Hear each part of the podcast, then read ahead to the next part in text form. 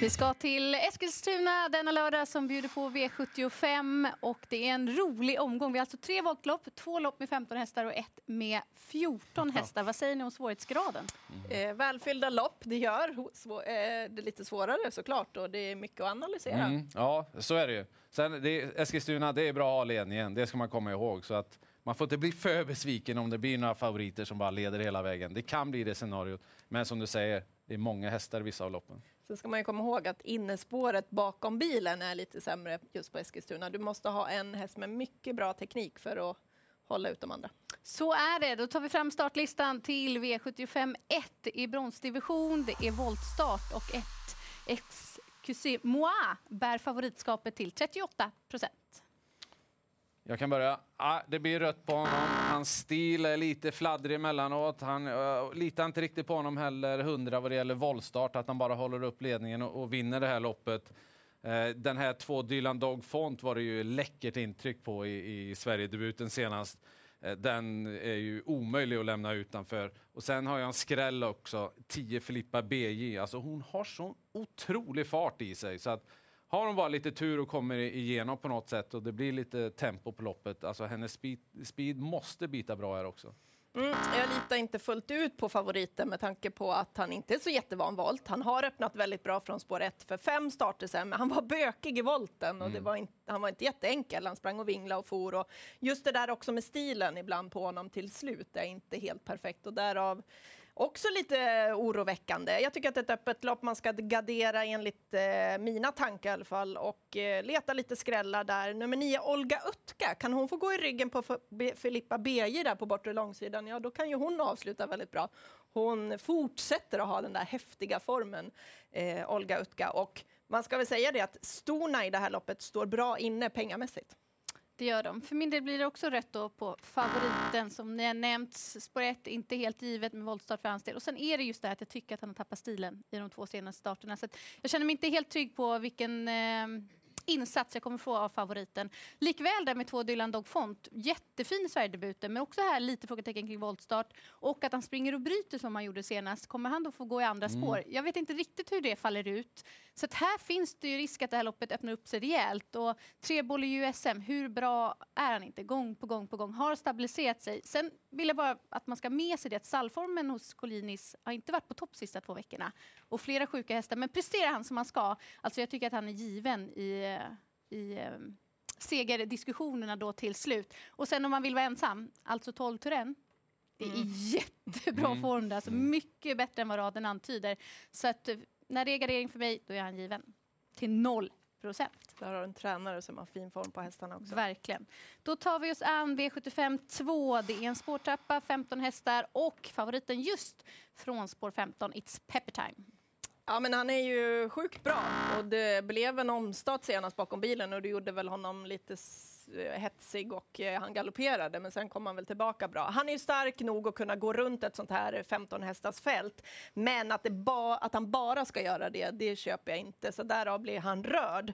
Eh, tycker att 13 Portofino som kanske kommer sköta sig bättre när han har eh, såna här lägen än när han är bakom bilen är jätteintressant. Han tål ju att göra mycket under vägen också. Men det spä mest spännande är ändå Love You Sherman nummer åtta tycker jag med tanke på att han har ett framspår. Det är mycket förändringar. Man har vässat honom lite extra inför det här loppet i veckan. Och det kan slå väldigt väl ut och jag tror ju att Magnus A. Djuse kommer att vara väldigt offensiv trots det där åttonde spåret och han kan skapa sig en, eh, ett försprång. Skrällen för mig är Vinci Love. Ja, det var ju den ihåg jag ville komma till nu.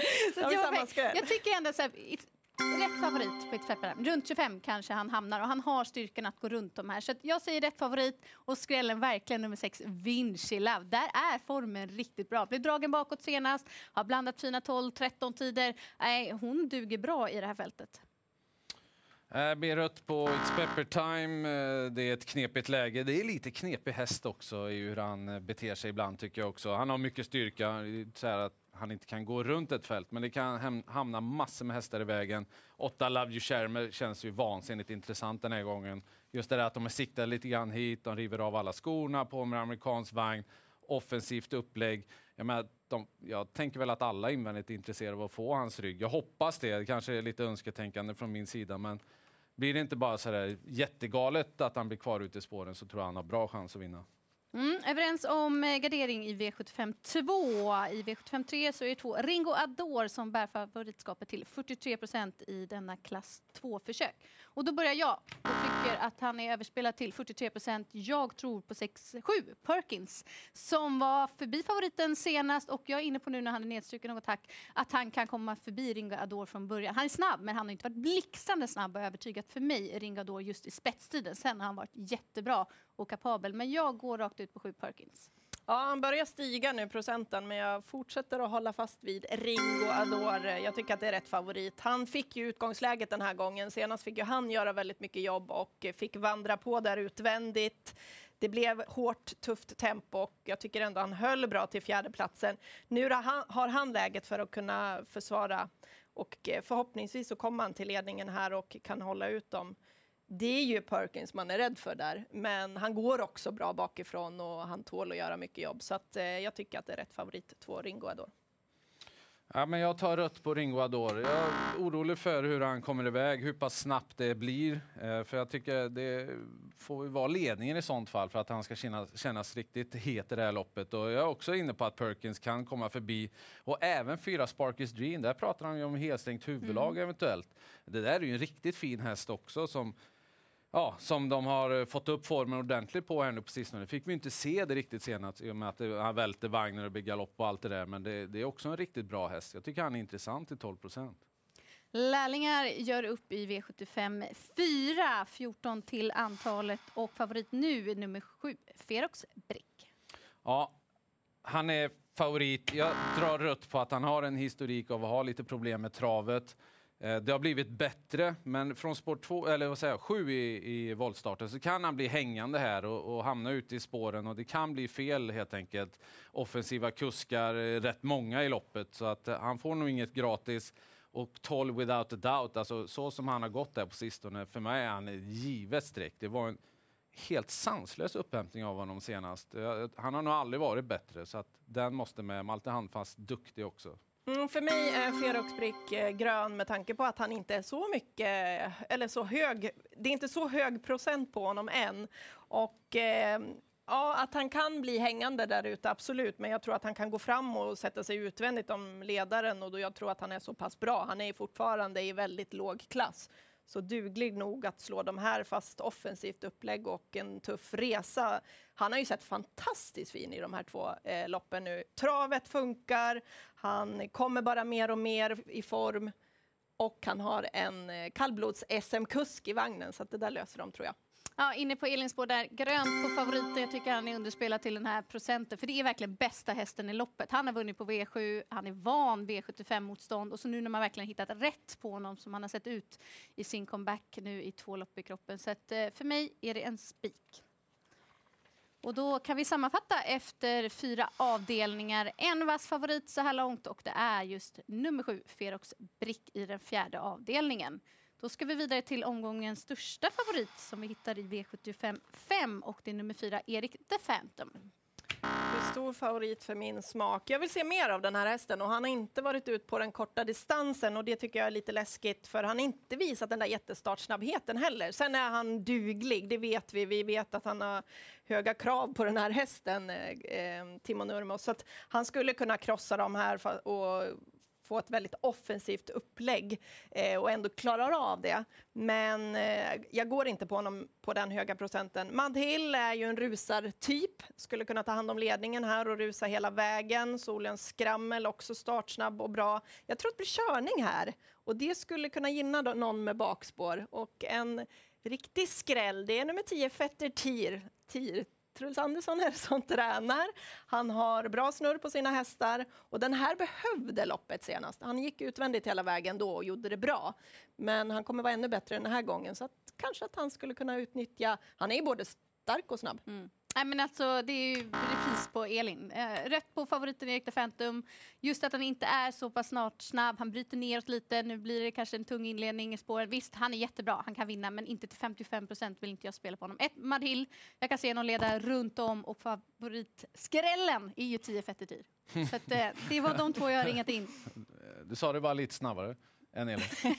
Annars var det nog samma. Nej, Jag tror jättemycket på den här favoriten. Jag tror att han är mycket bättre än motståndarna helt enkelt. Och eh, han har ett bra spår, det betyder att eh, strulrisken är ganska liten.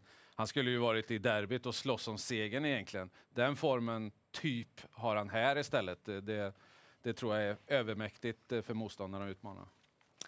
Då är det top 7 också. Tankar där? Elin och jag vill vara tydliga med Fetter Tyr. Någon mer ni vill ranka upp? Uh, nio Bradby tycker jag känns spännande att kunna få upp. Också lite lopp i kroppen där och eh, ja, fyra, femma någonting. Tidiga blir ju ett och två på utgångslägen där och att de är snabba. Ja.